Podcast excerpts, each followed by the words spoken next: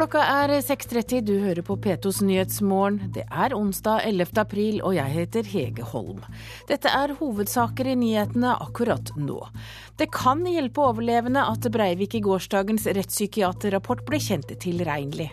Den måten de opplevde gjerningsmannen på Utøya, den samsvarer nå med det de sakkyndige sier, nemlig at han var tilregnelig og beregnende. De borgerlige samkjører næringslivspolitikken, vil vise at de kan styre sammen. Og alkoholforbruk er ingen privatsak, mener forsker.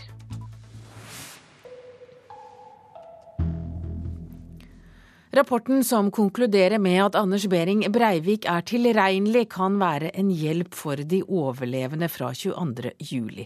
Det mener psykolog Tine Jensen ved Senter for vold og traumatisk stress, som har snakket med mange av ungdommene som var på Utøya. For noen kan det virke positivt på den måten at de nå får en bekreftelse på at den måten de opplevde gjerningsmannen på Utøya, den samsvarer nå med det de sakkyndige sier, nemlig at han var tilregnelig og beregnende. Uansett hva retten seinere skulle komme til, kan det derfor være positivt at fagfolk nå har trukket en lignende konklusjon om gjerningsmannen, sier Jensen. Dermed unngår de overlevende å tvile på sin egen oppfatning. Man tenker at det er noe galt med måten jeg tenker på, det er noe galt med måten jeg føler på. Andre psykologeksperter vi har snakket med trekker fram at det nå blir tydeligere at drapene var politisk motivert, og et angrep på viktige demokratiske verdier, og at dette vil være positivt for mange overlevende. Men rettspsykolog Pål Grøndal understreker at folk reagerer forskjellig.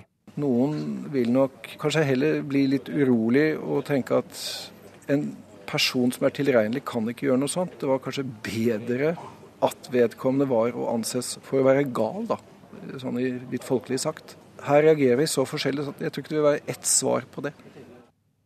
Og reporter her var Tom Ingebrigtsen.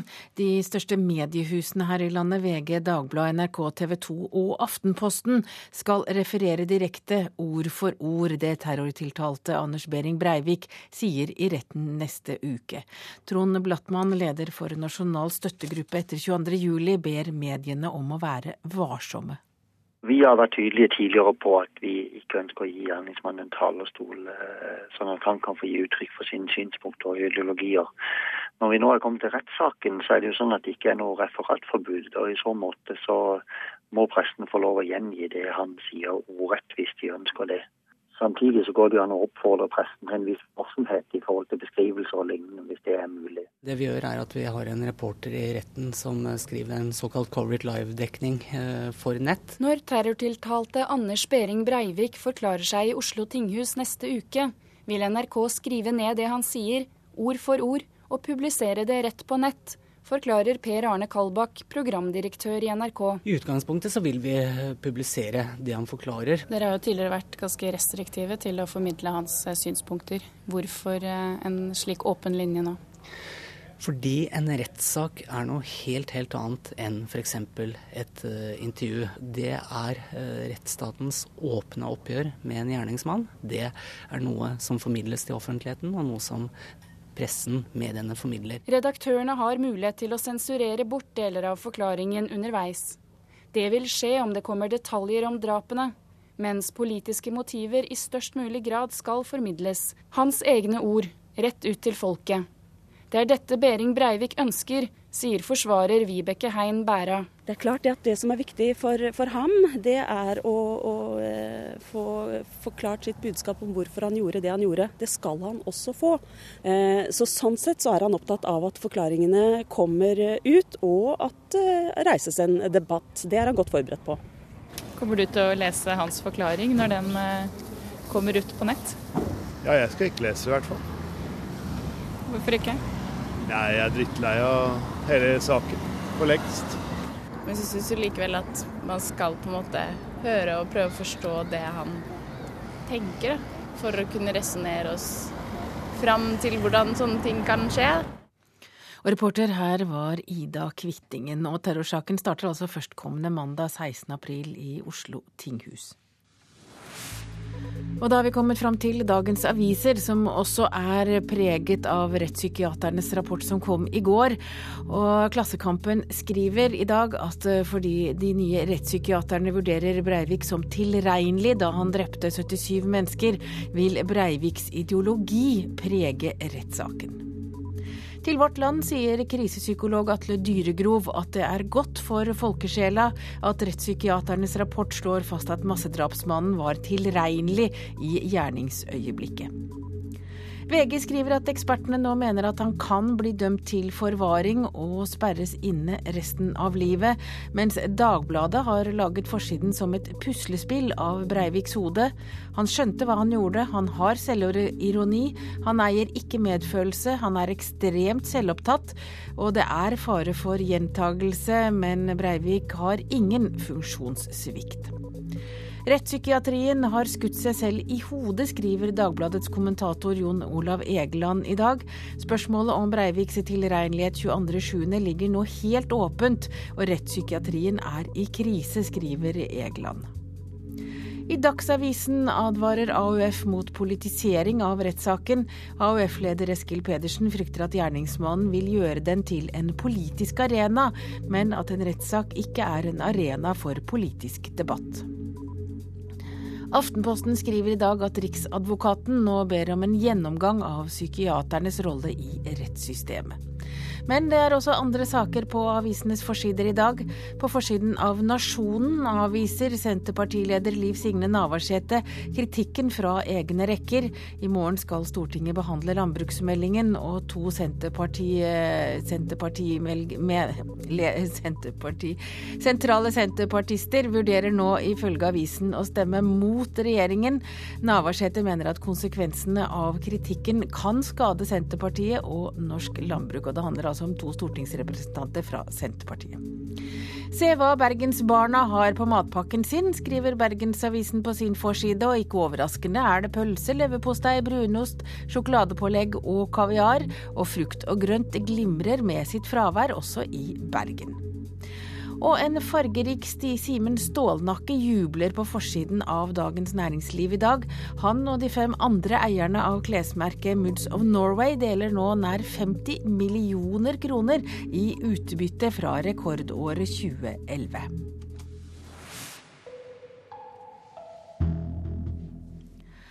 De fire borgerlige partiene trapper nå opp innsatsen for å skape felles politikk før valget neste år. I formiddag legger de fram 35 forslag til enklere næringspolitikk. Arve Kambe, talsmann for Høyre, sier at de nå viser velgerne at de kan gjøre en forskjell. Dette forslaget her har gjort at eh, alle finansfraksjonene og næringskomitéfraksjonene i partiene har samarbeida godt. Veldig god tone. Og det viser jo at vi har, kan ta og gi alle fire partiene. Og dermed så syns jeg, på vegne av Høyre, at sånne type saker som dette viser at vi spiller hverandre gode. Og det er det velgerne vil bli invitert til å tro at vi faktisk skal kunne få til i 2013 og fremover. Det er andre gang på kort tid at de borgerlige partiene på Stortinget enes om felles politikk på et helt område. Sist var det Samhandlingsreformen de jobbet seg frem til enighet om. Jeg tror det er viktig at vi viser velgerne at eh, Høyre, Frp, KrF og Venstre, dersom vi får flertall, uavhengig av hvilken regjering som det til slutt kommer til å ende opp i, eh, så ser vi at vi har felles tankegods, eh, en felles politikk. Felles politikk betyr at noen må gi opp hjertesaker på veien, sier Hans Olav Syvertsen parlamentarisk leder i Kristelig Folkeparti. Det har vært veldig mange forslag oppe, og vi har da forholdt oss til det vi alle kunne stå sammen om. Så noen forslag har vært oppe, men eh, ikke kommet lenger enn det. I dag er det næringspolitikken som er tema, et felt der borgerlige partier skiller seg tydelig fra de rød-grønne. Ja, Vi ser jo at Norge, i Norge går det godt. Eh, det betyr f.eks. at vi har et forestående lønnsoppgjør som kanskje vil vise lønnsvekst i Norge, i motsetning til veldig mange andre land. Og på sikt vil jo dette gjøre konkurransesituasjonen vanskelig for en del i næringslivet. Og dette er jo en måte vi kan bidra, bidra til å øke produktiviteten ved å få bort unødvendige kostnader. Eh, og det trengs, eh, ikke minst ut fra konkurranse med andre land. Høyres Arve Kambe sier bedriftene trenger hjelp. Mange av de har nå slitt i 20 år med en regjering som er mer interessert i offentlig sektor og byråkrati, framfor å gjøre det enklere for de som skal faktisk sikre de skatteinntektene regjeringen er satt til å forvalte. Og næringspolitisk talsmann Harald Nesvik i Fremskrittspartiet vil ha færre regler og enklere regler i Bedrifts-Norge. Det som er viktig her er å vise faktisk at eh, en samla opposisjon eh, har en rekke forslag til forenklinger både i regelverk og rapporteringssystemet, som vil kunne gjøre hverdagen enklere og bedre for særlig små og mellomstore bedrifter. Ja, så får vi høre, får vi se om velgerne tror på de borgerlige, men valget er altså ikke før neste høst. Og det blir debatt om dette i Politisk kvarter i dag klokka 7.45. Reportere her var Hedvig Bjørgum, Berit Strøyer Aalborg og Kent Amar Eriksen. I Russland skal statsminister Vladimir Putin tale til Dumaen i dag om sitt økonomiske styringsresultat for, for siste gang før han blir president for tredje gang 5. mai. Og i går ble det rapportert til avgående president Dmitrij Medvedev at hver sjette forretningsmann i Russland er under strafferettslig etterforskning. En katastrofe hvis det er sant, sa Medvedev, som blir statsminister etter Putin. Så Moskva-korrespondent Hans Wilhelm Steinfeld, er det sant? Ja, En av Russlands mest kjente næringslivsledere, Aleksandr Aganbegyan, rapporterte i går kveld til president Medvedev at 70 000 forretningsfolk sitter og soner. Eh, mange av dem uskyldige, hevder han. Byråkratiet er slik at det tar 37 meter med datautskrift for å etablere en eneste bedrift i Russland. Og dette er en katastrofe for tilliten til investeringsklimaet i Russland, sa Medvedev. Men, men hvem er kjeltringene som nå sitter ja, det er, no, det er noe mange kjeltringer blant forretningsfolkene. Men korrupte politiledere og dommere, statsadvokater, la seg betale ofte for å åpne strafferettslig etterforskning som ledd i kriminelle forsøk på å rane til seg bedrifter. Og eh, det ble foreslått for presidenten i går at det skal gjøres et amnesti for alle forretningsfolkene som sitter og soner, trolig uskyldig, mange av dem. Hva vil Putin legge vekt på når han i dag legger fram sin skryteliste for Dumaen? At han som president nedbetalte Russlands statsgjeld, at pensjonene, som er veldig små i utgangspunktet prosentuelt er blitt økt i det siste, men også at russisk økonomi må bli mindre avhengig av råvareeksport eh, som produkter av uh, type olje og gass. Er det en skryteliste? Ja, det er nok det. For samtidig ligger produktiviteten i russisk økonomi i dag 32 ganger under tysk nivå. Og det skyldes at folk ikke har realistisk mulighet til å skaffe seg egen bolig, særlig unge. Dermed har de ikke strategiske sparemål og bruker penger på fest og fanteri. Så med andre ord, Putin har litt av en jobb å gjøre da han blir valgt som president? Ja, og ikke minst den unge avgående president Dmitrij Medvedev, som har lovt velgerne en helt ny og annen type regjering når han tar over som statsminister etter Putin 5. mai. Takk til deg, Moskva-korrespondent Hans-Wilhelm Steinfeld. Toppfotballsjef Nils Johan Sem mener Norges beste kvinnelige fotballspillere bør søke utfordringer i større ligaer enn toppserien, men bare hvis de er gode nok til å få spille. Hvis du har spillere som, eh, som, spiller i de beste ligaene og de beste klubbene, det enerne er der ute, men eh, det betinger at det er spilletid. og Hvis ikke, så er det bedre at de, de spiller hjemme og, og, at toppserien blir så god som mulig. og Da, da nyter landslaget eh, nytte av det, naturligvis. Dermed er fotballsjefen bare delvis enig med landslagskaptein Ingvild Stensland, som i går tok til orde for at de beste bør spille i Norge. Norge er ikke så stort land, selv om vi har hatt stor suksess. Så det er viktig at de, at de beste spillerne er hjemme. fordi da blir det tøffere konkurranse hjemme. og eh, Kanskje bedre nivå på ligaen. Nå er de fleste spillerne her hjemme, og det tror jeg er positivt for norsk toppserie. Det siste er Semb helt enig i, og han understreker at Stensland med hennes erfaring og kvalitet vil være bra for toppserien og Stabæk. Men skal norsk kvinnefotball heve seg, må de beste spille med de beste i det daglige.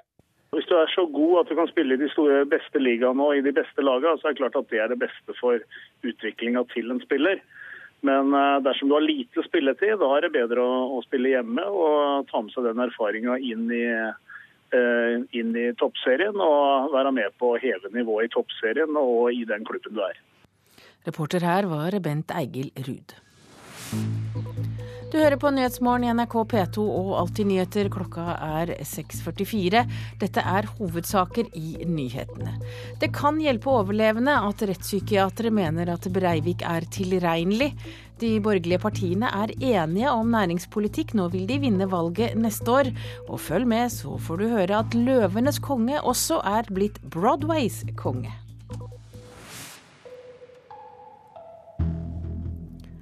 Da skal vi til Syria nok en gang, for det er ingen tegn til at den internasjonale fredsplanen blir gjennomført.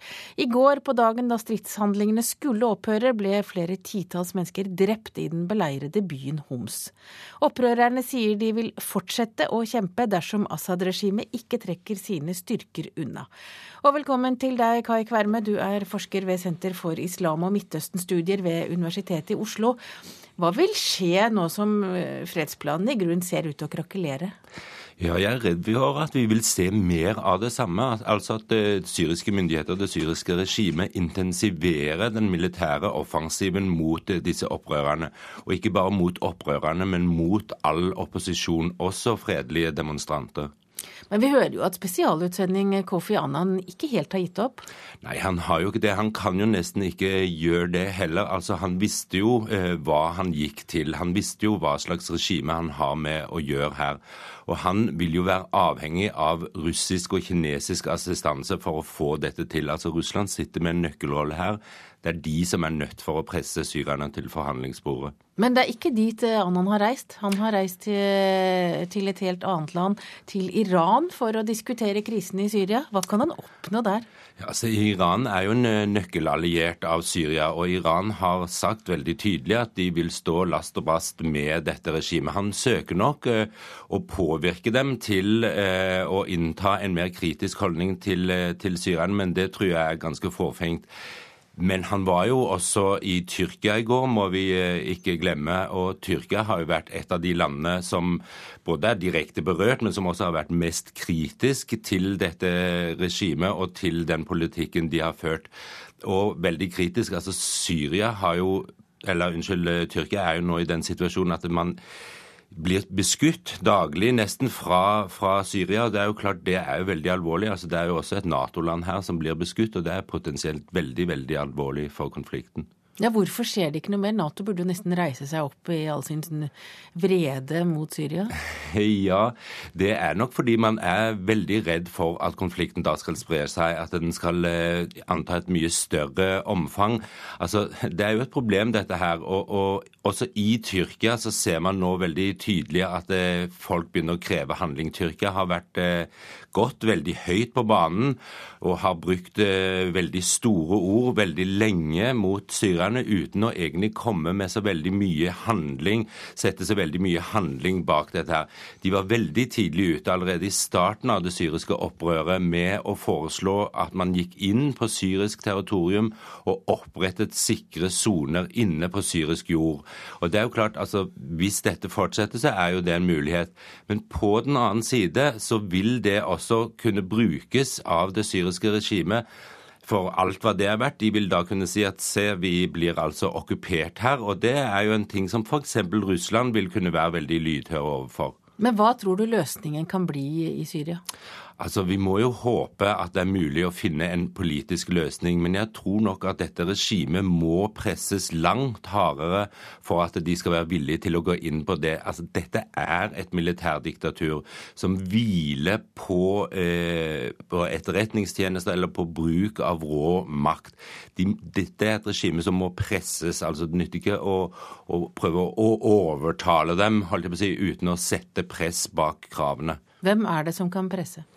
Ja, Det kan for så vidt mange. altså Her er det forskjellig slags press, økonomisk og andre, andre typer press. Men det er jo klart Russland her har en nøkkelrolle. Takk til eh, deg, Kai Kverme, forsker ved Senter for islam og Midtøsten-studier ved Universitetet i Oslo. Da skal vi snakke om russ, for mange har tatt vaksine mot smittsom hjernehinnebetennelse, og ifølge Folkehelseinstituttet er salget av vaksine doblet på ett år. I fjor eh, anbefalte Folkehelsa ungdom som skal delta aktivt i russfeiringen i år å la seg vaksinere, og ved Sankt Svithun videregående skole i Stavanger fikk de som ville ta vaksinen i skoletiden, forteller Gina Øystese.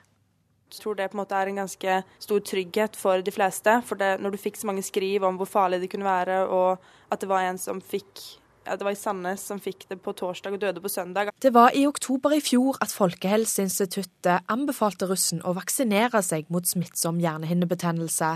Og etter at en 19-åring fra Sandnes døde av sykdommen i januar, oppfordrer også flere kommuner russen til å la seg vaksinere. Ifølge Berit Sofie Wiklund, seniorrådgiver i Folkehelseinstituttet, har mange fulgt rådet. Det er snakk om en økning på 5000 doser, faktisk, i forhold til i fjor. Vi har jo en økning fra i underkant av 2000 doser til i overkant av 16 000 doser. Det vil si at tallet er nesten tidobla på landsbasis. Private sentrumvaksiner i Stavanger har vaksinert om lag 300 russ. Og i Haugesund har en god del av russen takka ja til vaksine, forteller helsesøster Tove Valen. I Haugesund så har vel 30, altså en tredjedel av russen vaksinert seg. Fortsatt så er det mulighet til å få, få vaksinen, og da tar de kontakt med vaksineklinikken eller med fastlegen sin. Og reporter her var Silje Kolås. Dovrebanen åpner ikke for togtrafikk før i mai, det skriver Adresseavisen. Banen er fortsatt stengt sør for Trondheim etter at jordras ødela skinnegangen midt i mars.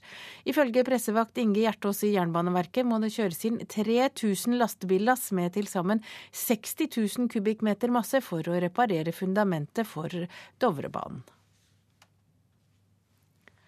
Og så skal vi høre at alkohol ikke er en privatsak. Det mener i hvert fall samfunnsforsker Steinar Krogstad, som mener at det er en kunst å omgås alkohol. Som, han er også en av de som har tatt utfordringen fra Helsedirektoratet med to uker uten edlere dråper. Skål! Ja, nå skal jeg ha hvit periode. 14 dager nå. Klarer du det, tror du?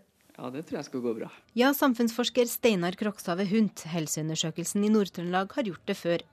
I fjor på denne tiden hadde han fire uker uten alkohol, etter oppfordring fra en kollega. Nå har denne trenden spredd seg på nasjonalt plan, og i går aksjonerte Helsedirektoratet med en to ukers hvit kampanje.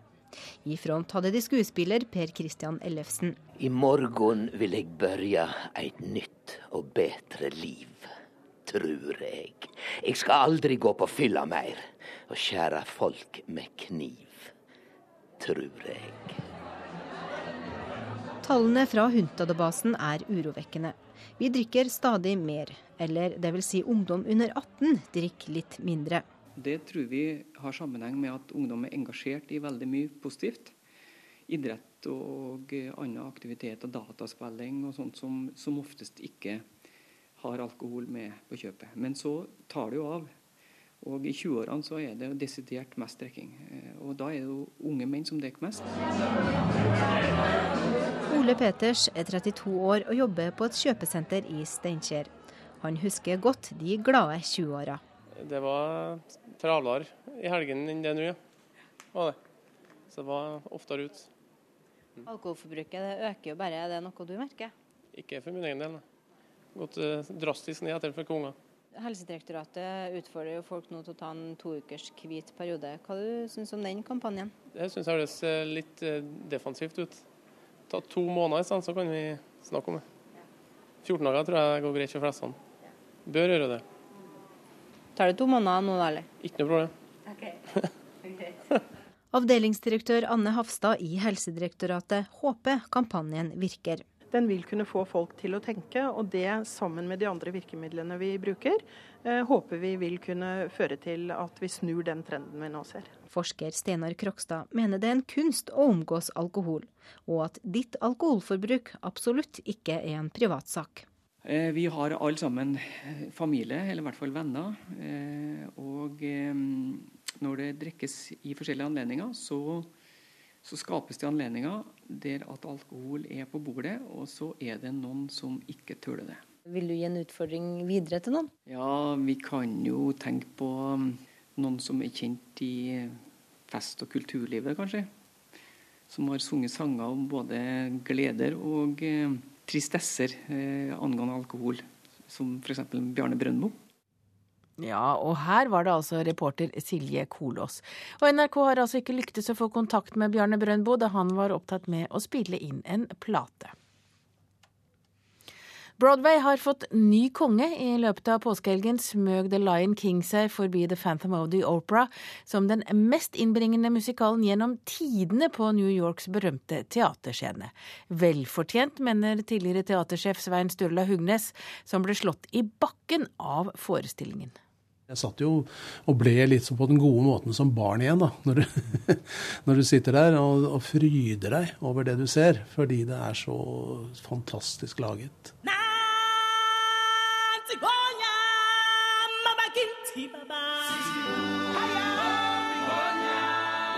Sola står opp over det afrikanske slettelandskapet. Løveprinsen Simba skal vokse seg stor og sterk og ta sin rettmessige plass som løvenes konge i Broadway-varianten av Disney-klassikeren The Lion King.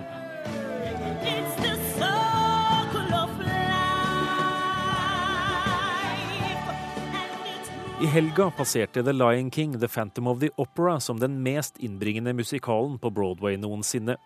The Lion King har nå spilt inn over 5,9 milliarder norske kroner på Broadway siden starten i 1997. Musikalinstruktør og tidligere teatersjef ved Oslo Nye Teater, Svein Sturla Hungnes, har svært gode minner fra forestillingen. Jeg husker jeg tenkte at uh, hadde jeg opplevd noe sånt som barn, som det jeg ser nå på denne musicalen, så tror jeg jeg ble slått helt uh, helt av stolen, for det var, så, det var så mye fantasi. Og så se denne overgangen mellom mennesker og dyr og alt det de, alle de ressursene de hadde satt inn for å gjøre dette til en fantastisk opplevelse.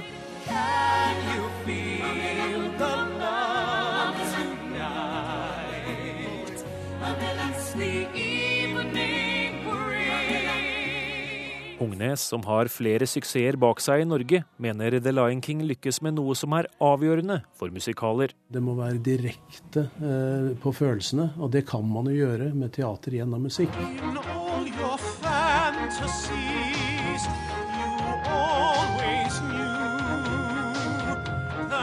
Man and mystery selv om The Lion King nå har tjent mest på Broadway, er The Phantom of the Opera fortsatt den musikalen som har spilt inn mest penger på verdensbasis.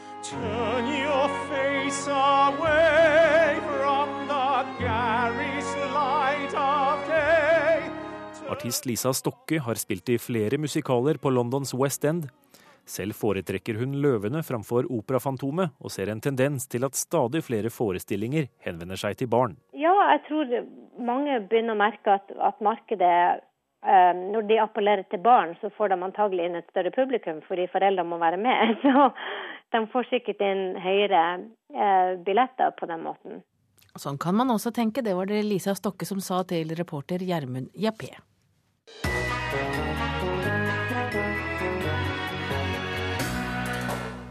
AUF-er Adrian Prakon ble siktet på av Anders Behring Breivik på Utøya, men så senket terroristen geværet og gikk videre.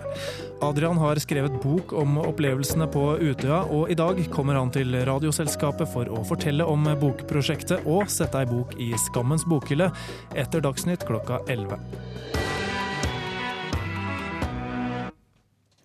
Og da har vi kommet fram til et værvarsel som gjelder til midnatt. Fjellet i Sør-Norge sørlig frisk bris.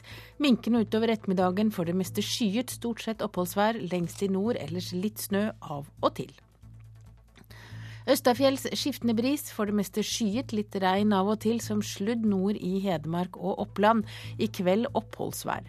Vestlandet sør for Stad sørlig frisk bris, periodevis stiv kuling i nord. Enkelte regnbyger og snøbyger over 700 til 900 meter. Perioder med sol og i ettermiddag lettere vær i sør. Møre og Romsdal regn av og til, snø over 700 til 900 meter. Trøndelag sørlig periodevis liten kuling, stort sett oppholdsvær. Fra i ettermiddag opp til frisk bris av skiftende retning. Litt regn av og til i ytre strøk, snø over 600 til 800 meter. Helgeland, Saltfjellet, Salten og Ofoten. Sørlig bris, liten kuling på kysten i sør. I kveld nordøstlig frisk bris på kysten, litt sludd og regn. Snø over 600 meter. Lofoten og Vesterålen nordøstlig frisk bris, stiv kuling på yttersiden. Litt sludd. Troms østlig frisk bris, nordøstlig periodevis stiv kuling langs kysten. Litt snø og senere sludd. Finnmark østlig periodevis liten kuling på kysten i vest, ellers skiftende bris. Litt snø av og til.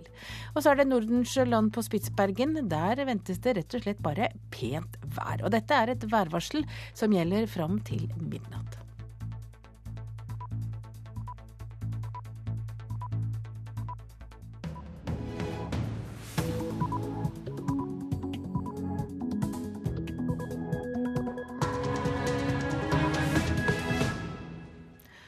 Klokka er sju, du hører på Nyhetsmorgen. Jeg heter Hege Holm, og her er en nyhetsoppdatering. Statsadvokatene har vært for dårlige til å komme til bunns i spørsmålet om Breiviks tilregnelighet. Det er jo grunn til å spørre seg om eh, de har eh, snudd kappene etter vinden. Det sa advokat Frode Sulland. Aldri før har det sittet så mange inne i norske fengsler som nå. Særlig etter eh, utvidelsen av Schengen-området. Da fikk vi også en veldig eh, klar økning i antallet utenlandske innsatte i fengslene. Ja, Det sa forsker Ragnar Christoffersen. Russen tar vaksine mot smittsom hjernehinnebetennelse, og ifølge Folkehelseinstituttet er salget doblet på ett år. De borgerlige samkjører næringslivspolitikken, vil vise velgerne at de kan enes etter valget neste år. Det viser jo at vi har, kan ta i alle fire partiene. Og dermed så syns jeg at sånne typer saker som dette viser at vi spiller hverandre gode. Og Det sa Arve Kambe, talsmann for Høyre.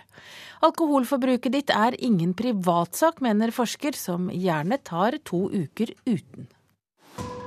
Nyhetsmorgen.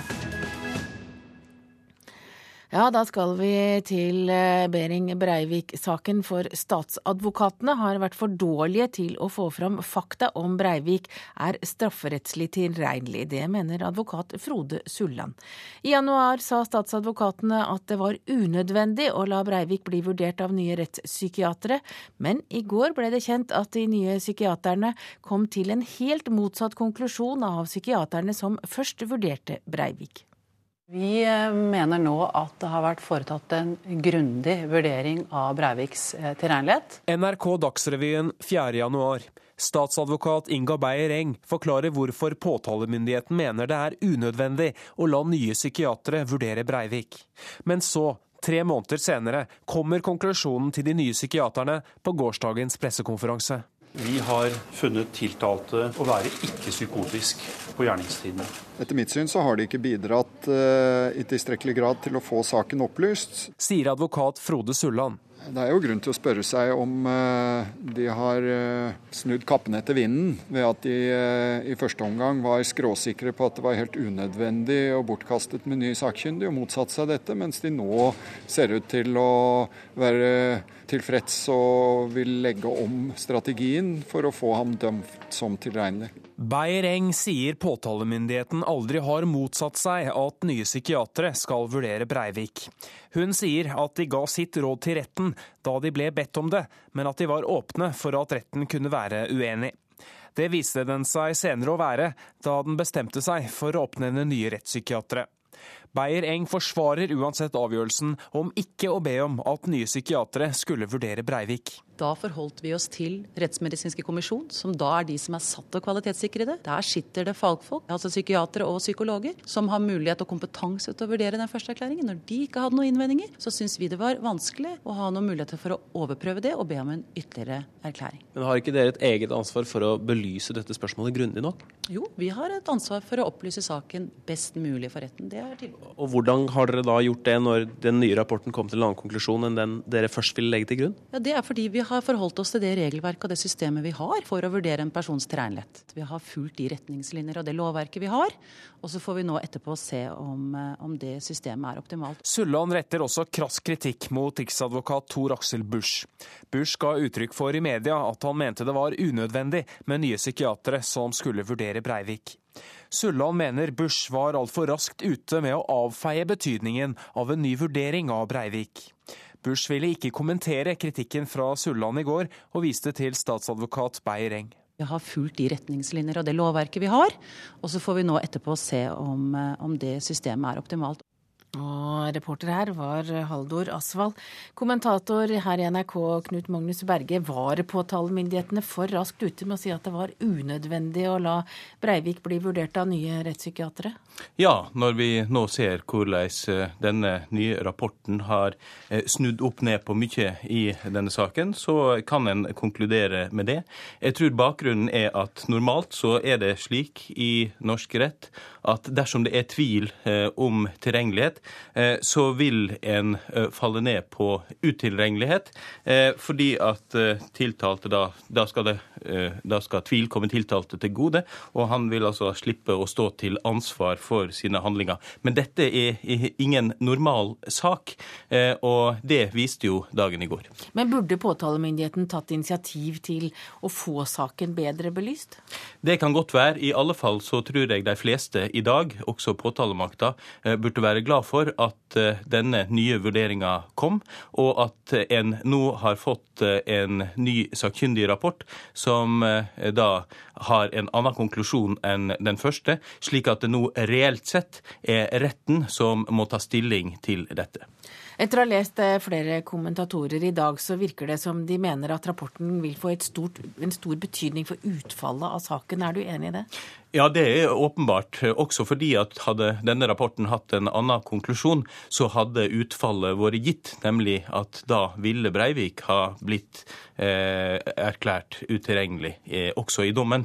Eh, men eh, nå er saken reelt eh, åpen, selv om det altså er slik at det skal mer til for å eh, erklære et eh, menneske eh, tilregnelig etter at det er sådd tvil, enn utilregnelig, så tror jeg den er reelt helt åpen. Og en kan også her fort komme i en situasjon der påtalemakta sjøl legger ned påstand om tilregnelighet.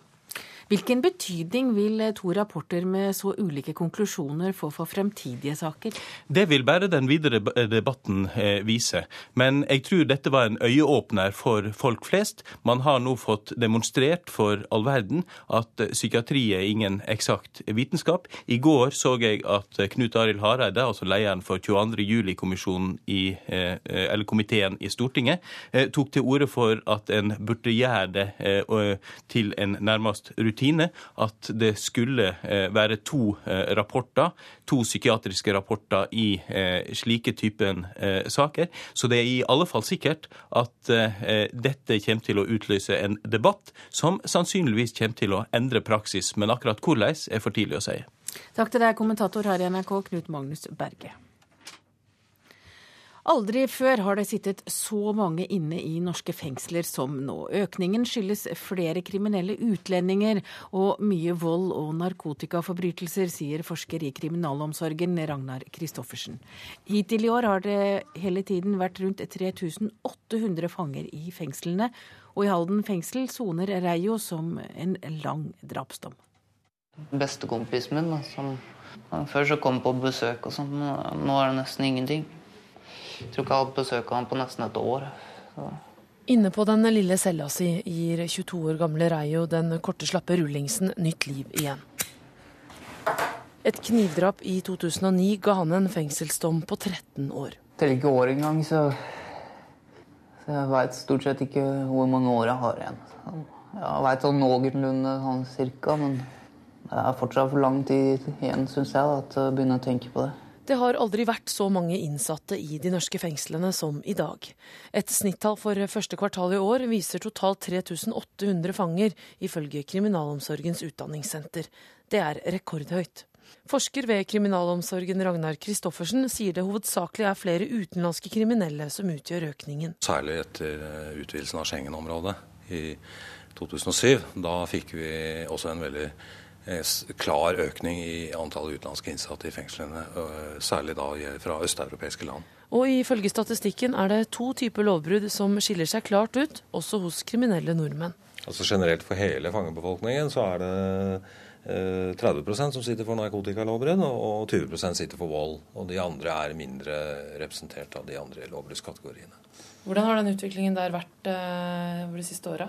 Men det er nok en liten økning i, i narkotikadømte eh, som skyldes at den gruppen er overrepresentert blant utlendingene som har kommet de siste årene. Justisdepartementet ser nå på hvor fulle fengslene er, sier statssekretær Kristin Bergersen. Vi har en gjennomgang av kapasiteten vår i kriminalomsorgen nå.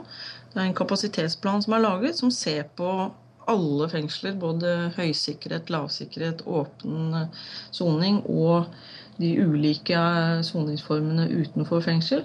For å se om det, må, om det må bygges nytt, eller om det må utvides, om det skal legges ned osv. Det blir mest sånn oppbevaring og venting, egentlig. Stort sett. Ja, Det sa Reio til reporter Ellen Borge Christoffersen. Jan Bøhler, du er første nestleder i Stortingets justiskomité, og du representerer Arbeiderpartiet, som jo har hatt, eller vært med på ansvar for fengselspolitikken de siste seks årene. Og hva sier du til det at det aldri sittet så mange i norske fengsler som i dag? Det har jo en god side, at politiet arbeider godt og tar mange, særlig utenlandske eh, omreisende kriminelle. Eh, antallet innbrudd i villaer og hus i Norge har gått kraftig ned de siste par årene. I Oslo så er det en 50-60 nedgang i antallet villainnbrudd. Og en, det er rundt en 30 nedgang på landsbasis. Så det er jo uttrykk for at mange tas. Blant annet eh, er det mange litauere som, og mange rumenere, mange polakker, altså de nye eh, østeuropeiske Schengen-landene, som vi nå har et veldig under veldig rask utvikling et godt justissamarbeid med politimyndighetene i de landene. Samarbeid om etterretning, samarbeid om å følge de miljøene som beveger seg hitover. Så det er mange flere som tas, og det er jo til stor fordel både for eh, innbyggerne her og til syvende og siste fordel for dem selv òg, for en kan kanskje en gang komme ut av kriminaliteten. Men, men eh, når Schengen-avtalen eh, ble en realitet, var dere ikke klar over at dette kunne skje? Jo, det var derfor Schengen inneholder også et veldig sterkt justispolitisk samarbeid, som nå begynner å komme til uttrykk ved at politimyndighetene i disse landene samarbeider tett. Jeg hadde møte senest med Kripos rett før påske, som fortalte at eh, litauiske politimyndigheter nå står på veldig godt i, i det samarbeidet. Og vi har også fått eh, nå i stand soningsavtaler med bl.a. Litauen i fjor, eh, som innebærer at de som tas her og har lange dommer, kan overføres til soning i Litauen. og de soningsforholdene soningsforholdene som er der. Og Det vil jo øke i antallet. I fjor var det 52 som ble overført til soning i hjemlandet. Antallet som skal eh, sone i hjemlandet vil øke etter hvert som disse eh, soningsavtalene får effekt. Er det vanskelig å få til slike soningsavtaler? Det har vært eh, en del kronglete forhandlinger, og vi eh, regner med at eh, hele EU vil ha en felles soningsavtale i løpet av noen år. Men i første omgang så har vi i Norge, for å få fart i dette, inngått bilaterale avtaler bl.a. med Litauen og Romania, hvor vi har mange som blir tatt her, som vi gjerne vil skal sone i hjemlandet. Økningen er jo størst for vold og narkotika. Hva sier dette om, om de som kommer til Norge og utfører kriminelle handlinger?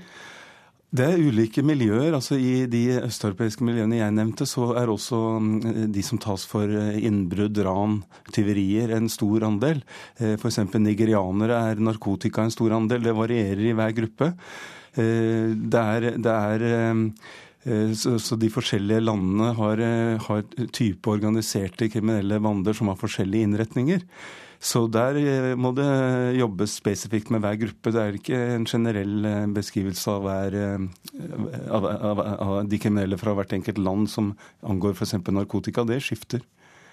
Takk til deg, Jan Bøhler. Du er altså første nestleder i Stortingets justiskomité og representerer Arbeiderpartiet.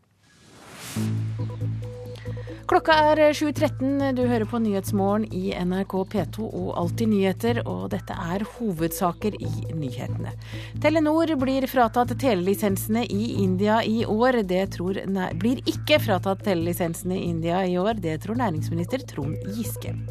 Statsadvokatene har vært for dårlige til å komme til bunns i spørsmålet om Breiviks tilregnelighet, mener advokat Frode Sulland.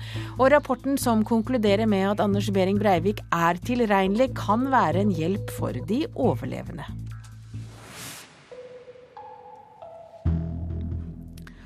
Ja, så er det en alltid optimistisk Trond Giske som ikke tror at Telenor blir fratatt telelisensene i India. Giske har møtt stor forståelse i India for at teleselskapet må få beholde mobillisensene fram til en ny auksjon gjennomføres. Norske myndigheter mener at det vil ta minst ett år, og Giske mener at det er en fordel for Telenor. Ingenting er endelig avgjort, men jeg opplevde en veldig stor forståelse for at eh, inndragning av lisenser og tildeling må skje samtidig. Telenor har investert hele 17 milliarder kroner i India. Men etter at indiske myndigheter besluttet å frata selskapet mobillisensen med kun noen få måneders varsel pga. korrupsjon i tildelingsprosessen, kan hele investeringen gå tapt. Nå ser det ut til at Telenor får mer tid. Regjeringa har bedt eh, om 400 dager for å gjennomføre dette. så det vil Si at det blir en gang inn i 2013. Det vil Telenor tjene på, mener næringsminister Trond Giske. Det kan godt hende at eh, det roer det politiske spillet rundt eh, saken. fordi selv om eh, mange regjeringer, også opposisjonspartiene, har tildelt lisenser på nøyaktig samme måte i årene før Telenor fikk sine lisenser, så er jo dette blitt en veldig betent sak. Og det kan gjøre det vanskeligere å finne praktiske løsninger som også ivaretar de små selskapenes eh, interesser. Men allerede om noen få dager får Telenor en klar pekepinn på om de får muligheten til å bli i India. Det blir en veldig avgjørende dag i neste uke. Da kommer telereguleringsmyndigheten med sitt forslag til hvordan auksjonene skal gjennomføres. Eh, så det er en skjebneuke vi er inne i nå for Telenors mange milliarders investering i India.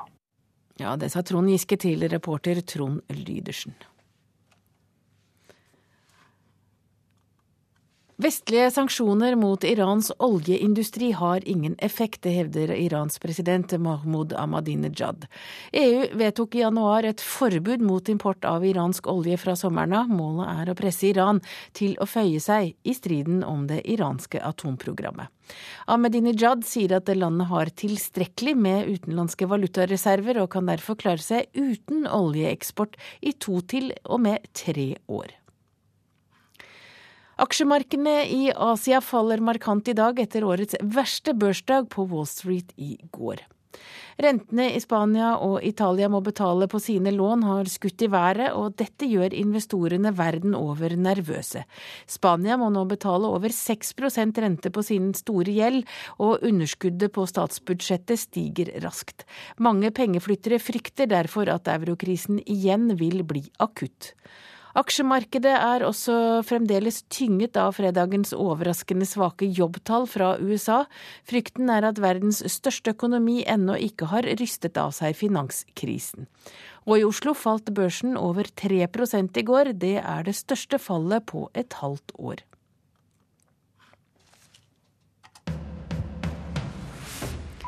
Så skal eh, vi ut i verden. Spesialutsending Kofi Annan har reist til Iran for å diskutere krisen i Syria med myndighetene der. Iran støtter regimet til president Bashar al-Assad. I Teheran skal Annan diskutere hvordan Iran kan bidra til å få løst konflikten i Syria. Iran har gjentatte ganger gitt sin støtte til Assad og har gitt myndighetene i Damaskus både politisk og materiell støtte. Nord-Korea skal være i ferd med å fylle drivstoff på den omstridte langdistanseraketten som etter planen skal skytes opp en av de nærmeste dagene. Oppskytingen er svært omstridt fordi mange frykter raketten i fremtiden kan bli brukt til å bære atomstridshoder. Selv hevder nordkoreanske myndigheter at raketten skal skyte opp en satellitt som bl.a. skal overvåke jordbruksavlinger. I Peru vil redningsarbeidere om kort tid nå fram til de ni gruvearbeiderne som er innesperret 200 meter under bakken. De ni gruvearbeiderne har vært fanget siden torsdag, og de innesperrede mennene har fått forsyninger med vann og suppe og oksygen gjennom en slange.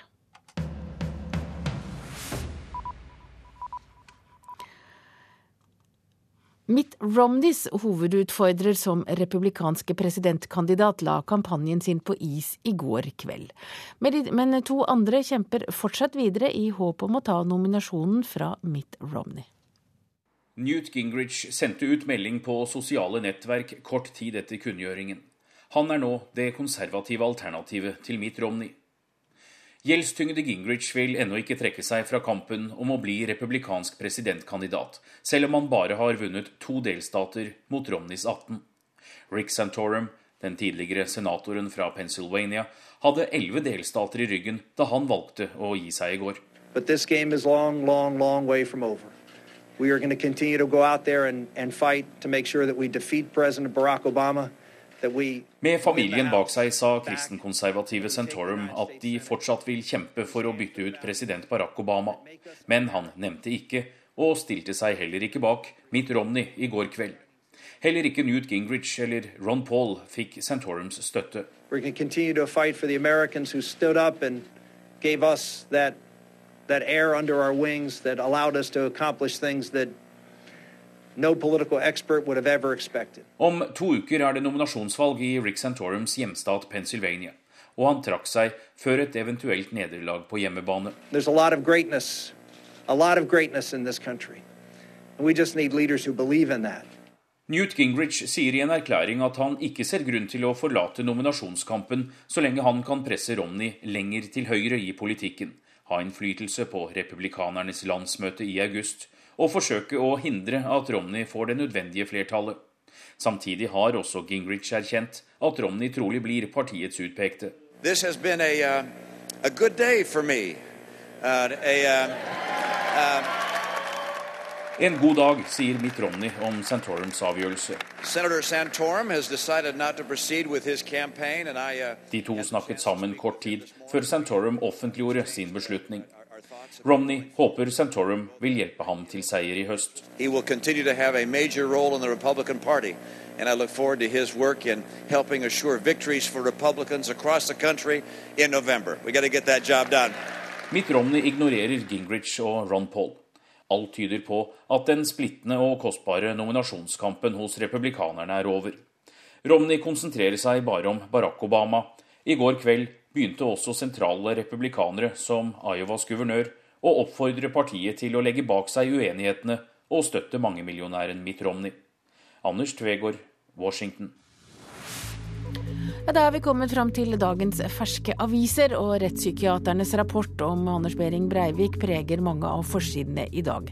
Klassekampen skriver at fordi de nye rettspsykiaterne vurderer Breivik som tilregnelig da han drepte 77 mennesker, vil Breiviks ideologi prege rettssaken. Til Vårt Land sier krisepsykolog Atle Dyregrov at det er godt for folkesjela at rettspsykiaternes rapport slår fast at massedrapsmannen var tilregnelig i gjerningsøyeblikket. VG skriver at ekspertene nå mener at han kan bli dømt til forvaring og sperres inne resten av livet. Mens Dagbladet har laget forsiden sin som et puslespill av Breiviks hode. Han skjønte hva han gjorde. Han har selvironi. Han eier ikke medfølelse. Han er ekstremt selvopptatt, og det er fare for gjentagelse. Men Breivik har ingen funksjonssvikt. Rettspsykiatrien har skutt seg selv i hodet, skriver Dagbladets kommentator Jon Olav Egeland. Spørsmålet om Breiviks tilregnelighet 22.7 ligger nå helt åpent, og rettspsykiatrien er i krise, skriver Egeland i Dagbladet. I Dagsavisen advarer AUF mot politisering av rettssaken. AUF-leder Eskil Pedersen frykter at gjerningsmannen vil gjøre rettssaken til en politisk arena, men at en rettssak ikke er en arena for politisk debatt. Og Aftenposten skriver at Riksadvokaten nå ber om en gjennomgang av psykiaternes rolle i rettssystemet. Men det er også andre saker på avisenes forsider i dag. På forsiden av Nasjonen avviser Senterpartileder Liv Signe Navarsete kritikken fra egne rekker. I morgen skal Stortinget behandle landbruksmeldingen, og to av stortingsrepresentantene vurderer ifølge avisen å stemme mot sin egen regjering. Navarsete mener at konsekvensen av kritikken kan skade både Senterpartiet og norsk landbruk. Se hva bergensbarna har på matpakken sin, skriver Bergensavisen på sin forside. Og ikke overraskende er det pølse, leverpostei, brunost, sjokoladepålegg og kaviar. Frukt og grønt glimrer med sitt fravær. Og en fargerik Simen Stålnakke jubler på forsiden av Dagens Næringsliv. Han og de fem andre eierne av klesmerket Moods of Norway deler nær 50 millioner kroner i utbytte fra rekordåret 2011.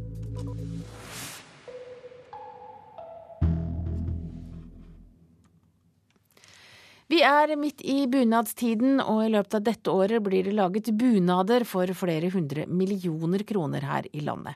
Mange vil at bunadene skal være 100% norskproduserte, men reporter Sissel Brunstad tar oss med til en plass hvor vi får høre at stadig flere av oss godtar at de blir brodert i utlandet.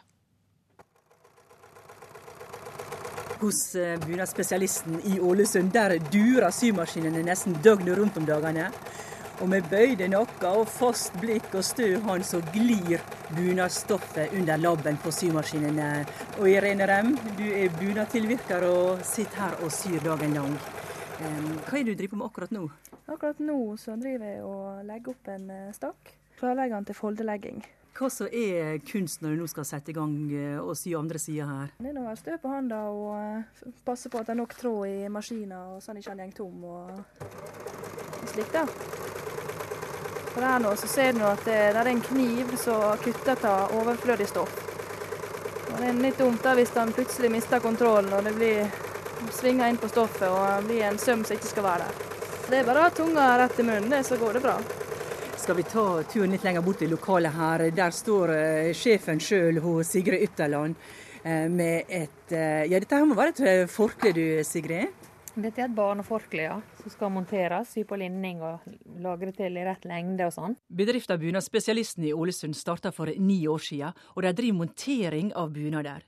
De har utsalg både i Møre og Romsdal og Sogn og Fjordane, og har aldri hatt mer å gjøre enn nå.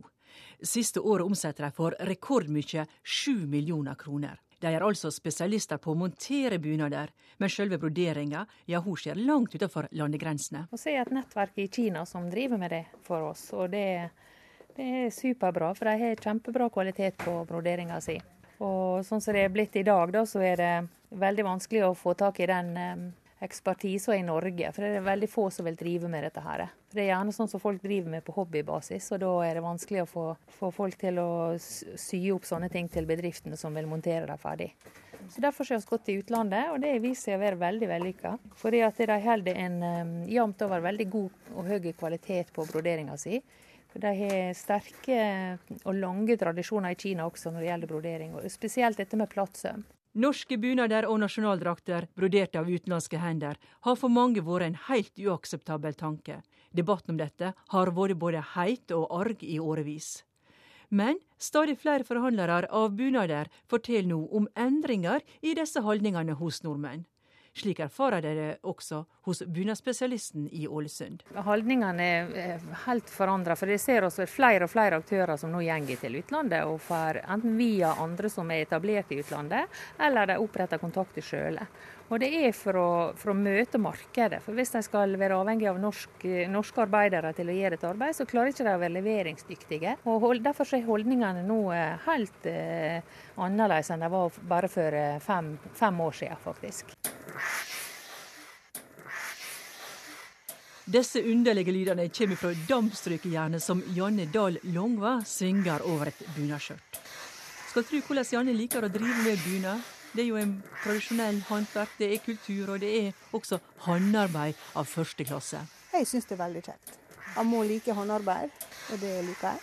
Og um, det er nå første bunaden til de fleste jentene som blir konfirmanter. Og det er nå litt kjekt å kunne lage den, da. Konfirmantgutter det er, så, det er ikke så mange av konfirmantguttene som får bunad. Men mange fine jenter, det kan du love, også i år på konfirmasjonsgulvet? Kjempemange fine. ja, det er nok mange som er spent på hvordan bunaden passer i år. Vi møtte her bunadtilvirkerne Irene Rem og Janne Dahl Longva sammen med daglig leder Sigrid Ytterland ved Bunadsspesialisten i Ålesund. Og reporter var Sissel Brunstad. Havarirapporten etter flyulykken på Stord blir lagt fram uten en klar konklusjon om årsak. Fire personer omkom i ulykken for drøyt fem år siden, da flyet ikke klarte å bremse etter en landing på Stord lufthavn. Havariinspektør Birger A. Bull sier til Bergens Tidende at den endelige havarirapporten, som vil være klar en av de nærmeste dagene, kun har en teoretisk forklaring på bremsesvikten. Du hører altså på Nyhetsmorgen i NRK P2. Den neste halvtimen får du Dagsnytt med Ida Creed. Og etter Dagsnytt skal vi til Russland, og der handler det om korrupsjon og presidentvalg. I Politiske kvarter eh, der møtes de borgerlige som nå samkjører næringslivspolitikken for å bli enige før valget neste år, og programleder er Bjørn Bø. I studio under Nyhetsmorgens sendinger, Hege Holm, produsent er Ragnhild Bjørge. Og har du tips eller kommentarer, send oss gjerne e-post til nyhetsmorgen, krøllalfa, nrk.no. Hør ekko. Kyr står i møkk opp til buken, og kylling fryser fast i trailergulvet på vei til slakteren. Er båndene mellom bønder og veterinærer så tette at det står i veien for varsling om dyr som lider? Og hvis veterinærene ikke passer på, hvem skal gjøre det da? Ekko 9 11 i NRK P2.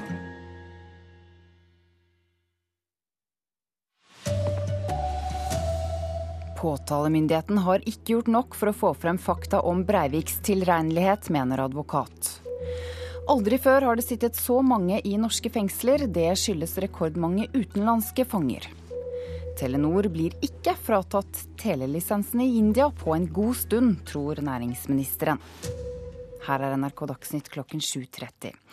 Påtalemyndigheten har vært for dårlig til å få frem fakta om hvorvidt Anders Behring Breivik er strafferettslig tilregnelig. Det mener ekspert på norsk strafferett og advokat Frode Sulland.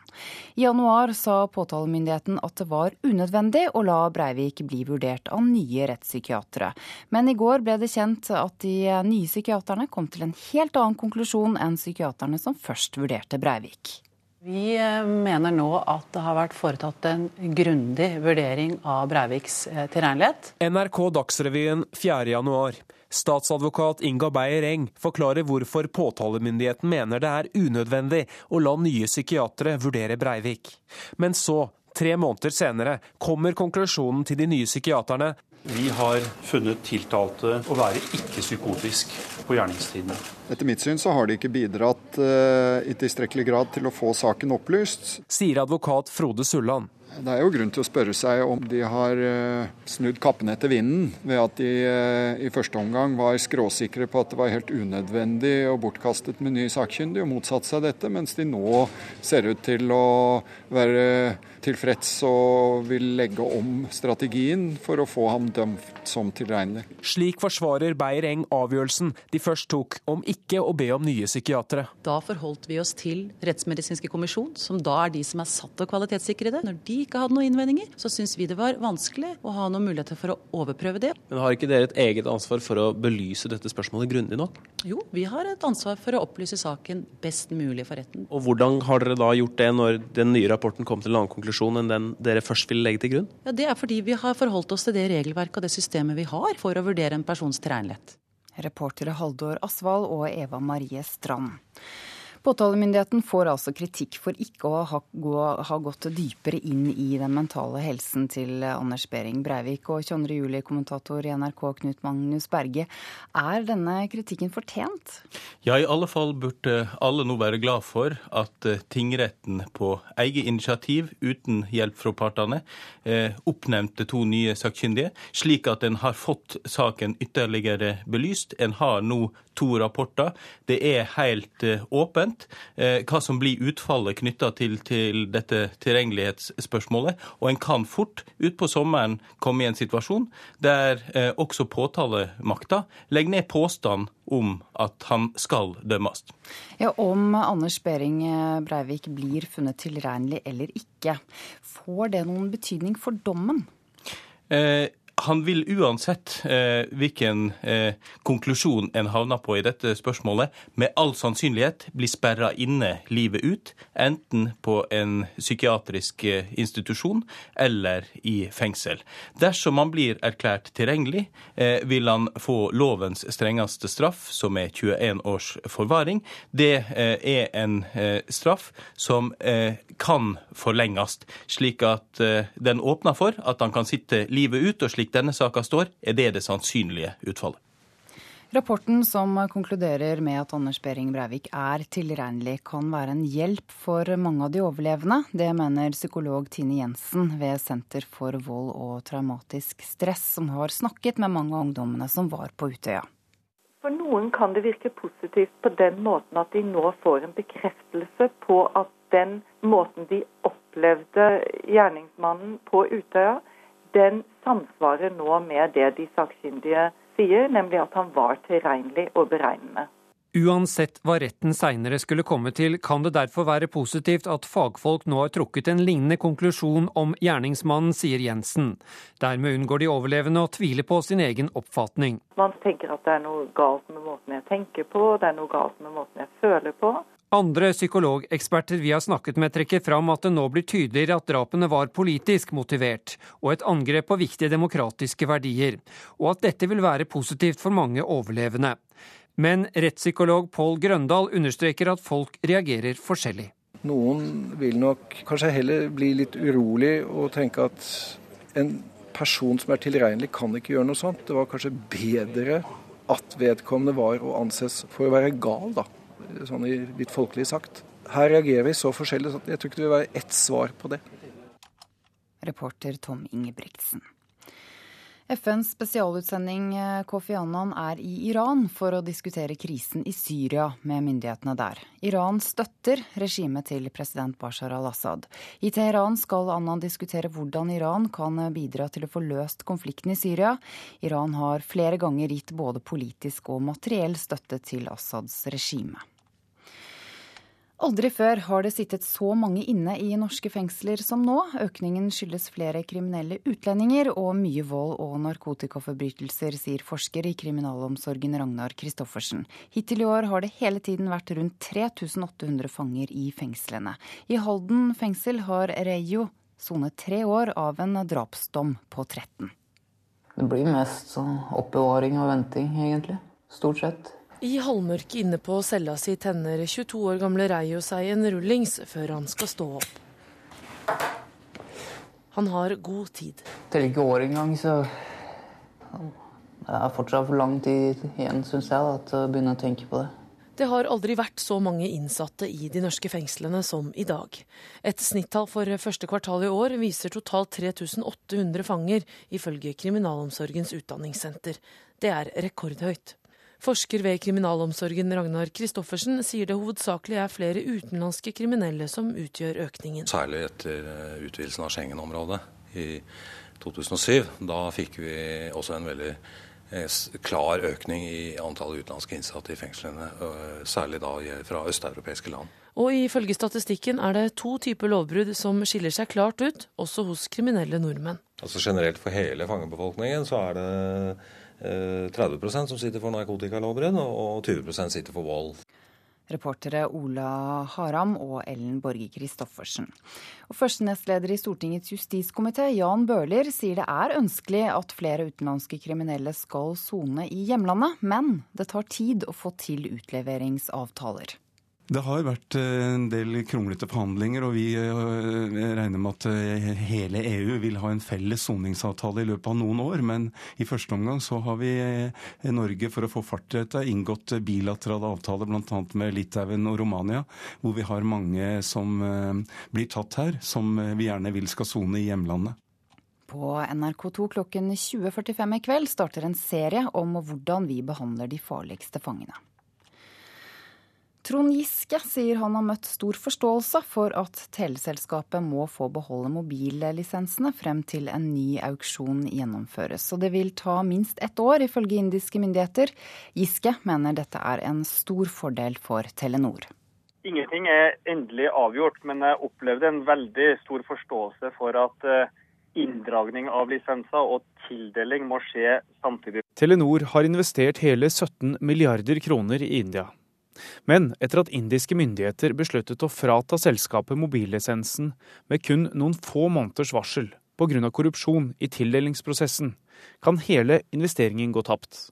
Det blir en veldig avgjørende dag neste uke. Da kommer telereguleringsmyndigheten med sitt forslag til hvordan auksjonene skal gjennomføres. Eh, så det er en skjebneuke vi er inne i nå for Telenors mange milliarders investering i India. Reporter Trond Lydersen. Så sport. Etter flere år med skadeproblemer og reservebenk i seriestarten, lykkes Mohammed Fella da Vålerenga slo Viking 1-0 i går kveld. Fella var med på å avgjøre kampen, og nå håper han at motgangen har tatt slutt. Selv om jeg får så mye skade, så veit jeg en dag at uh, en eller annen gang så kommer oppturen, og da glemmer jeg de små skadene. I 2007 ble Mohammed Fella langtidsskadet. De siste årene har han slitt med skadeproblemer, og i vår også en tilværelse på reservebenken. Han spilte andre omgang mot Viking, skjøt via vikingspilleren Indridi Sigurdsson og i mål. Trener Martin Andresen har lagt merke til Fellas motgang. Han har vært uheldig. Men det er ikke noe man får gjort noe med. Nå får vi bare håpe å være flink til å ta vare på kroppen sin og, og, bygge videre fra det grunnlaget han har nå. Han kommer til å få en del spilletid framover, han. Og hvis han spiller som han gjorde i denne omgangen her, så får han jo masse. Det her er vi spiller, og jeg vil bevise at uh, jeg er blant de beste. Og da må jeg bare være her og bevise det, før jeg tenker på noe annet. Reporter i denne saken var Olav Tråen. Ansvarlig for eh, Dagsnytts eh, sendinger denne morgenen er Sven Gullvåg. Teknisk ansvarlig er Frode Thorshaug. Jeg heter Ida Creed.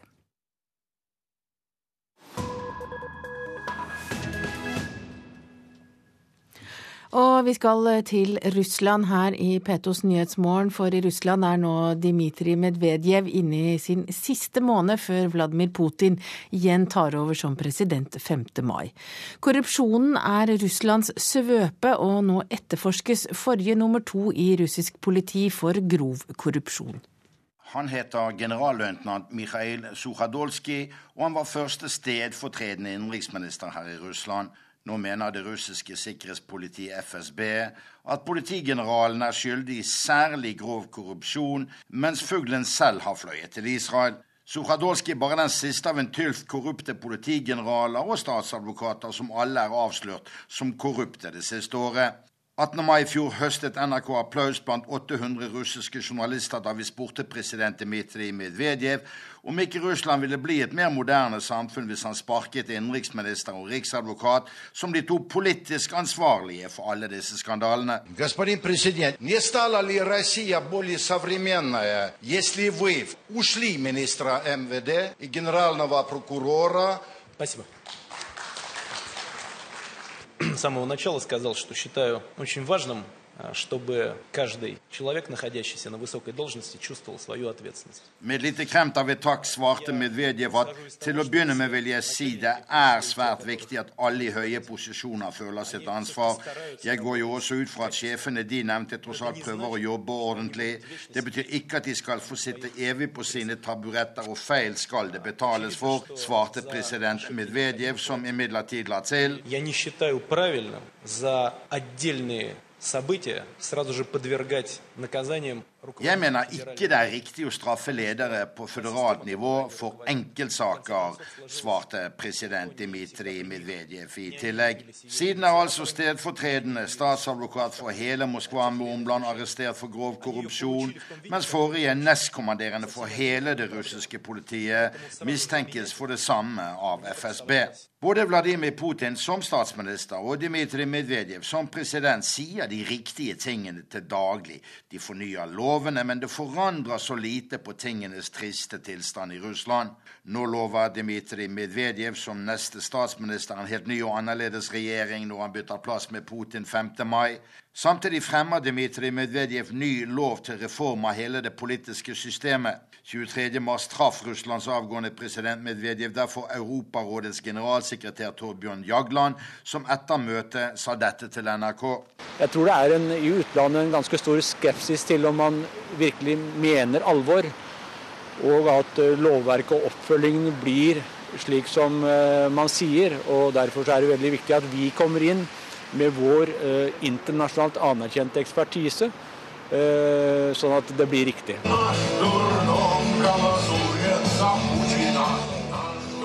Vårt galehus stemmer på Putin, sang demonstrantene mot ham før presidentvalget 4.3. Og det gjorde russerne. Vladimir Putin, som var her og forblir Russlands sterke mann politisk, har på sin side ingen tillit til Vestens demokratiske flerpartisystem, og han sier det i klartekst. Og krisis i vlast, i daveri граждан к вот этой многопартийной западной системе. Говорят, что Om maktens krise og tilliten til dette flerpartisystemet i vest sies det at dette Vestens demokratiske flerpartisystem med parlamentarisme ikke makter å skaffe folk i de ulike land de lederne som har det store flertallets tillit i disse landene, sier Vladimir Putin her. Men forsnakket ikke Putin seg om flerpartisystemet? Russland har jo flere partier. Men betyr det noe med alt det valgfusket som er avslørt her i Russland det siste halvåret? Vladimir Putin har før sin tredje presidentperiode i det minste avslørt at pluralisme skjønner han lite av. Hans-Wilhelm Steinfeld, Moskva. Og hovedsaker i nyhetene akkurat nå. Det kan hjelpe overlevende at Breivik i gårsdagens rettspsykiaterrapport ble kjent tilregnelig, mener psykolog Tine Jensen ved Senter for vold og traumatisk stress. De borgerlige partiene er enige om næringspolitikk, nå vil de vinne valget neste år. Og alkoholforbruk er ingen privatsak, mener forsker. Klokka er 7.44, det er blitt eh, folksomt rundt meg her i studio, og nå følger Politisk kvarter. Der er forenkling stikkord, programleder Bjørn Bø. Ja, rundt dette ordet prøver de fire opposisjonspartiene å syne at de kan stå sammen. Kan de også stå sammen i regjering, spør vi.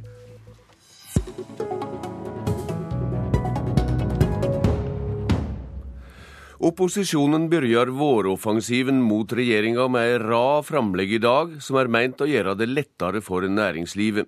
Forenkling er stikkordet, altså. Og tallet på felles framlegg fra fire opposisjonsparti er på 30-tallet. Utspringet er i finans- og næringskomiteene i Stortinget, og vi har båret inn til et vitnemøte. Hva er det som plager dykk, talsmann for Høyre, Arve Kambe? Det som er viktig for, for Høyre å understreke, det er at i de gode tidene Norge opplever nå, så må vi sørge for at de som har lyst til å skape morgendagens jobber, får bedre rammebetingelser framover. Mange av dem er lei av skjemaveldet, som nå etter sju års rød-grønt styre ikke blir bedre, men stort sett verre og verre for, for år som år. Og Da har, har vi tatt et initiativ fra Høyres side, sammen med KrF, Venstre og Frp, for å vise at et borgerlig flertall på Stortinget vil gjøre det enklere for næringslivet i Norge i framtida. Flere konkrete plager å melde. Næringstalsmann i Fremskrittspartiet, Harald Tom Nesvik. Ja, Nå er ikke det stortingsrepresentantene sine plager vi tar opp her, men faktisk hverdagen til eh, særlig de små og mellomstore bedriftene som eh, blir preget av dette her eh, i mange, mange timer hver eneste dag. Og da har vi en oppgave som politikere å prøve å gjøre dette her enklere, slik at man kan bruke hverdagen til å skape nye arbeidsplasser, til å sikre dem som man har, og nettopp bruke tida til det, istedenfor å bruke det på skjemavelde, som nå har blitt en stadig større del av hverdagen til bedriftene. Men Borghild Henden, finanstalskvinne i Venstre, administrasjonskostnader må vel også være en del av næringslivet? Ja da, det er klart det er. Men eh, nå går det over alle støvleskaft, for å si det litt folkelig. Eh, og det som er viktig for Venstre, er at eh, det vi kan spare på rapportering, kan vi bruke til verdiskapning.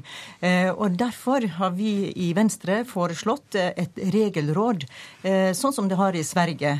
I Sverige har de som målsetting å spare rapportering av skjemavelde med 25% Det vil si at man setter i norsk så, i norsk fokus, så eh, kan vi spare ca. 54 milliarder kroner hvis vi får det ned i tilsvarende som målsettingen her i Sverige. Finanstalsmann i Kristelig Folkeparti, Hans Olav Syversen. Er hva er det regjeringa etter ditt syn skader næringslivet mest med? Jeg tror for alle, uansett om man er rød-grønn eller blå eller gul eller grønn, så har vi ønske om å få ned administrasjonskostnader og byrder for næringslivet. For jeg er opptatt av, som jeg tror er tverrpolitisk Norge, at vi skal få til et byråkrati som er minst mulig og få mest mulig verdiskaping, og dermed norske arbeidsplasser og en god økonomisk framtid for hele landet. Det tror jeg vi står felles om. Så jeg vil heller se på dette som en hjelp til regjeringen til å komme raskere på banen med sine forslag, og det er det vi inviterer til fra opposisjonen. Ja, men så langt mener det tydeligvis at regjeringa har svikta. Du er også parlamentarisk leder i Kristelig Folkeparti, Syversen.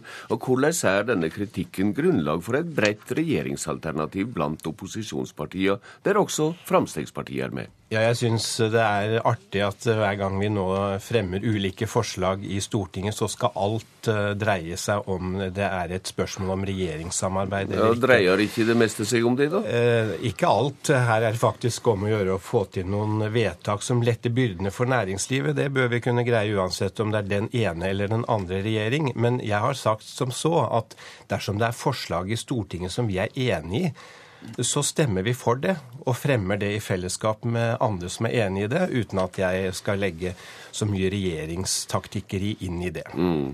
Finansminister Sigbjørn Johnsen, det er du som sitter her og ber verdens synd akkurat nå. Og hva er de syndevedkjenning om plaging av næringslivet?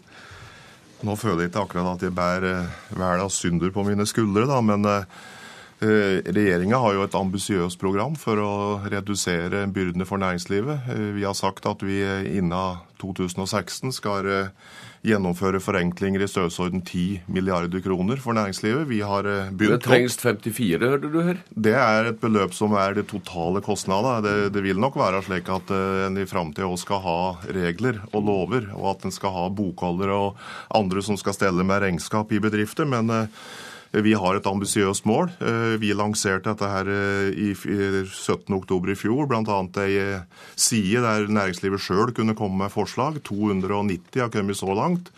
Og bare for å gi ett eksempel på en stor forenkling som denne regjeringa akkurat har gjennomført, det å fjerne revisjonsplikten for små selskaper opp til to milliarder kroner. Så jeg sier fint, men Eh, og Jeg skjønner og behovet for å starte litt i det små, altså i anførselstegn. For det blir nok litt verre når de skal begynne å diskutere skatt og den store økonomiske politikken. Men det får de sikkert eh, god grunn til å komme tilbake til. Mm, ja, men eh, Johnsen, du har, har med en samla opposisjon å gjøre her, og du har også merka murringa fra næringslivet om tynnende byråkrati? Vi er, eh, som vi sier, Regjeringa er eh, veldig klare på at vi skal få ned eh, skjemaveldet. At vi skal gjøre det enklere for næringslivet. Det gjør vi på mange områder. På mitt område f.eks., på skattesida. Det har skjedd store forenklinger. nå det neste som ligger i løypa der, er elektronisk skattekort. Det er utviklet det vi kaller den elektroniske dialogen mellom myndigheter og næringsliv. Og klokka ti i dag så vil statsministeren nå FAD-ministeren legger fram regjeringas digitaliseringsstrategi, så eh, her skjer det noe nesten hver dag.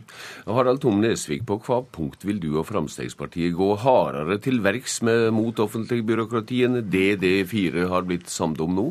Nei, Det er nok en, en rekke områder, særlig innenfor eh, for skattesystemet, som eh, vi ønsker selvfølgelig å, å, se nærmere på og komme med endringer på.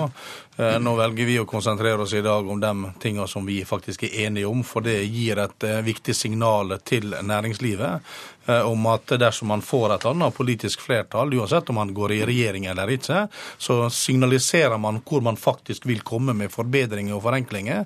Og det er et svært viktig signal, for det forplikter oss også som politikere å stå ved det som vi sier, også etter valget. Ja, Sigbjørn Olsen, hvor truende oppfatter du opposisjonens åtak halvannet år før stortingsvalget? Nei, Det er jo opposisjonens rolle å selvsagt prøve å bli enige om forslag som eh, de kan eh, fremme, og det, det er helt legitimt, det. Og ellers er jeg enig med det som Syversen sier, at uh, der en nå kan enes på en bredere front, er jo viktig og nyttig. og jeg har jo god erfaring fra det. Skattereformen fra 1991 er jo et av de største forenklingstiltakene som er gjort, f.eks. Brei enighet om det. Eh, og jeg tror det er mulig å bli enige om, eh, om forslag som eh, det er brei støtte om i Stortinget. Og regjeringa som sagt har høye ambisjoner, og vi har tenkt å gjennomføre det vi sier på dette området. Arve Kambe, et regjeringsgrunnlag må vel omfatte mer enn kritikk av byråkrati? Å oh ja, åpenbart. Eh, men det er helt åpenbart at Høyre kommer til å redusere makten i direktorater, hos fylkesmenn og i toll- og avgiftsdirektoratet, og overføre mer på det. Men, men, det som er noe av hovedkritikken vår etter sju år med rød-grønt regjering, det er at Arbeiderpartiregjeringen og SV-regjeringen ikke er mer, de er mer interessert i offentlig sektor. De skjønner ikke problemene som er i næringslivet. Og når de da skal ha næringslivet til å betale skatter og avgifter inn til seg for å finansiere sine løfter, så glemmer de at den burde byrden man legger på hverdagen til disse folkene, som skal skape produkter, skape nisjer, som gjør at bedriften kan overleve og skape nye arbeidsplasser for fremtiden. De bruker mer tid på å rapportere inn til stat, fylke og kommune enn de faktisk gjør for å skape de inntektene som skal til for at arbeidsplassene eksisterer til neste år. Hans Olav Syversen, det var en slags underliggende flørt mellom deg og finansministeren, hørte vi her nylig. Det er ikke full semje i Kristelig Folkeparti om at et borgerlig flertall i Stortinget må gi ei borgerlig regjering? Nå har jo vi en prosess i Kristelig Folkeparti, og den skal avklares fram mot eh, høsten. Så jeg, som jeg sa i stad, dette er ikke en del av et eh, regjeringssamarbeidsopplegg fra vår side. Vi er enige om at vi trenger å gjøre noe for å bedre vilkårene for norsk næringsliv. Og da fremmer vi de forslagene og samarbeider med dem som er enig i det. Og, og, da ikke til dette med, med regjeringsspørsmål. Så kan jeg si til Johnsen og, og, gi ros til regjeringen for at man tok bort revisjonsplikten for aksjeselskap for de som har eh, under fem millioner i omsetning. Eh, vi foreslår da at det også bør kunne gjelde ansvarlige selskap, som ett eksempel på en ytterligere forbedring. Borghild Tenden framfor landsmøtet i Venstre i helga skriver flere aviser i dag at det også i ditt parti er murring mot å garantere borgerlig regjering ved borgerlig borgerlig flertall. I hva grad er dagens politiske pakke et argument for en slik garanti, etter ditt syn?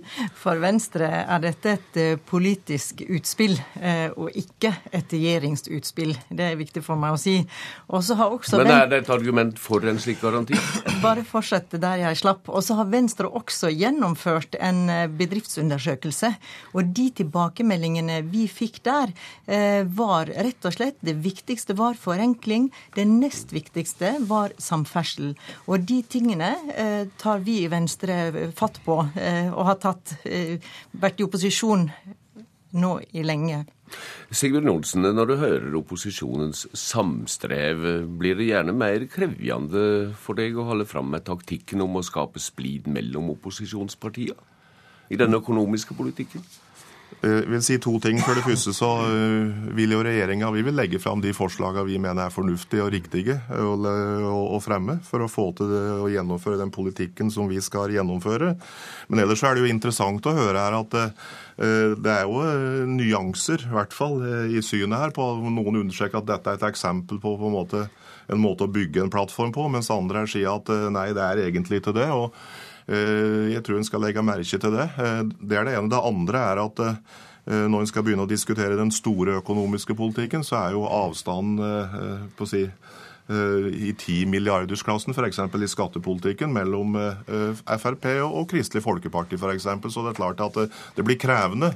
Men det er en del av en politisk prosess som foregår på, mm. på den borgerlige sida. Kambe, hva ambisjoner har du om å skrive dykk sammen om den økonomiske politikken også, når revidert budsjett snart kommer? Ja, Det får vi jo komme tilbake til, men først må regjeringen legge det fram. Eh, men, men jeg minner jo om at eh, Høyre, Frp, eh, KrF og Venstre klarte i forrige, forrige regjeringsperiode å fjerne skatter og avgifter på 25 milliarder kroner, så vi skal nok klare det igjen. Det som jeg tror er viktig med dette prosjektet her, er at det er et poeng eh, for oss borgerlige partier å vise at vi klarer å skrive oss på enighet. Av og til så støtter vi hverandre sine forslag. Eh, vi tok et initiativ som, som Frp, KrF og Venstre har vært med på veldig bra. Vi har samarbeidet godt nå i løpet av en måneds tid. Det viser at vi med å gi og ta skaper oss en plattform som gir oss gjensidig tillit. Det er kjekt, det er godt positivt miljø på borgerlig side, og det er vi fra Høyre veldig opptatt av. Eh, Syversen, har du ambisjoner om å skrive deg sammen i den økonomiske politikken nå framover? Jeg har i grunnen den ambisjonen at jeg skal stemme for det jeg er enig i, og samarbeide med de jeg er enige om for viktige, gode tiltak innen frivillighet, politi, sykehusvesen. Og så får det heller være hvem det er, akkurat når det gjelder revidert budsjett. Poenget er å få til noe. Og det er jo det også som er meningen med disse forslagene. Å få til noe for å gjøre hverdagen for norsk næringsliv enklere. Og da er jeg med på å samarbeide med omtrent hvem og hva det skal være. Nesvik, eh, Fremskrittspartiet. Det neste fellesutspillet kommer vel ikke akkurat i debatten om landbruksmeldinga i Stortinget i morgen? Eh, nå er vel kanskje ikke det den største sannsynligheten, for denne innstillinga er allerede avgitt. Eh, men eh, det som eh, man faktisk må tilstrebe seg, det er at eh, når vi ser på den byråkratioppbygging vi har i Norge, så særlig på statlig side, så bare det vokser og vokser og vokser, mens andre faktisk må omstille seg og spare inn. Vi ser innenfor sykehussektoren vi har regionale helseforetak Mm. som eh, går utover, langt, langt utover det som burde vært nødvendig. Og det er det første du faktisk kunne ha gjort i et stort skritt for å avbyråkratisere og gjøre ting mer effektive, bl.a. fjerne de regionale helseforetakene. Mm. Noe som også en samla opposisjon faktisk er enig om. Som, Den eh, som Venstre kanskje ikke er samd i, Borghild Tenden? Å fjerne helseforetakene? Nei. Så det er regionale Det- Vi er nok ikke det. Men den diskusjonen får vi ta i salen, tenker jeg. Eh, Sigbjørn Johnsen, siden du sitter én imot fire, hvordan vil du oppsummere det du har hørt her? Nå er du en slags kommentator. Jeg sitter riktignok på programlederplassen, men jeg skal ikke helt eh, skli inn i den. Da. Men eh, som vi sa i stad, så hører jo her at det er, for, at det er i, minste, i minste beste fall nyanser. Men eh, det er betydelige forskjeller i store deler av den økonomiske politikken på skattesida, og ikke minst også når det gjelder forholdet til pengebruken i statsbudsjettet. Så, så eh, det, er mye, det er mye å jobbe med før en kan se en felles plattform, etter mitt syn. Og Syversen ba også om ordet. Ja, jeg har den utfordringen jeg, til finansministeren og regjeringen at, at ikke avskriv disse forslagene før dere har sett dem. Sett dere ned og se på dem, og så kanskje vi kan få til noe i fellesskap. Det tror jeg norsk næringsliv ville satt pris på. Da sier jeg tykk eh, takk til dere alle for denne runden, for Politisk kvarter er slutt. Jeg heter Bjørn Bø.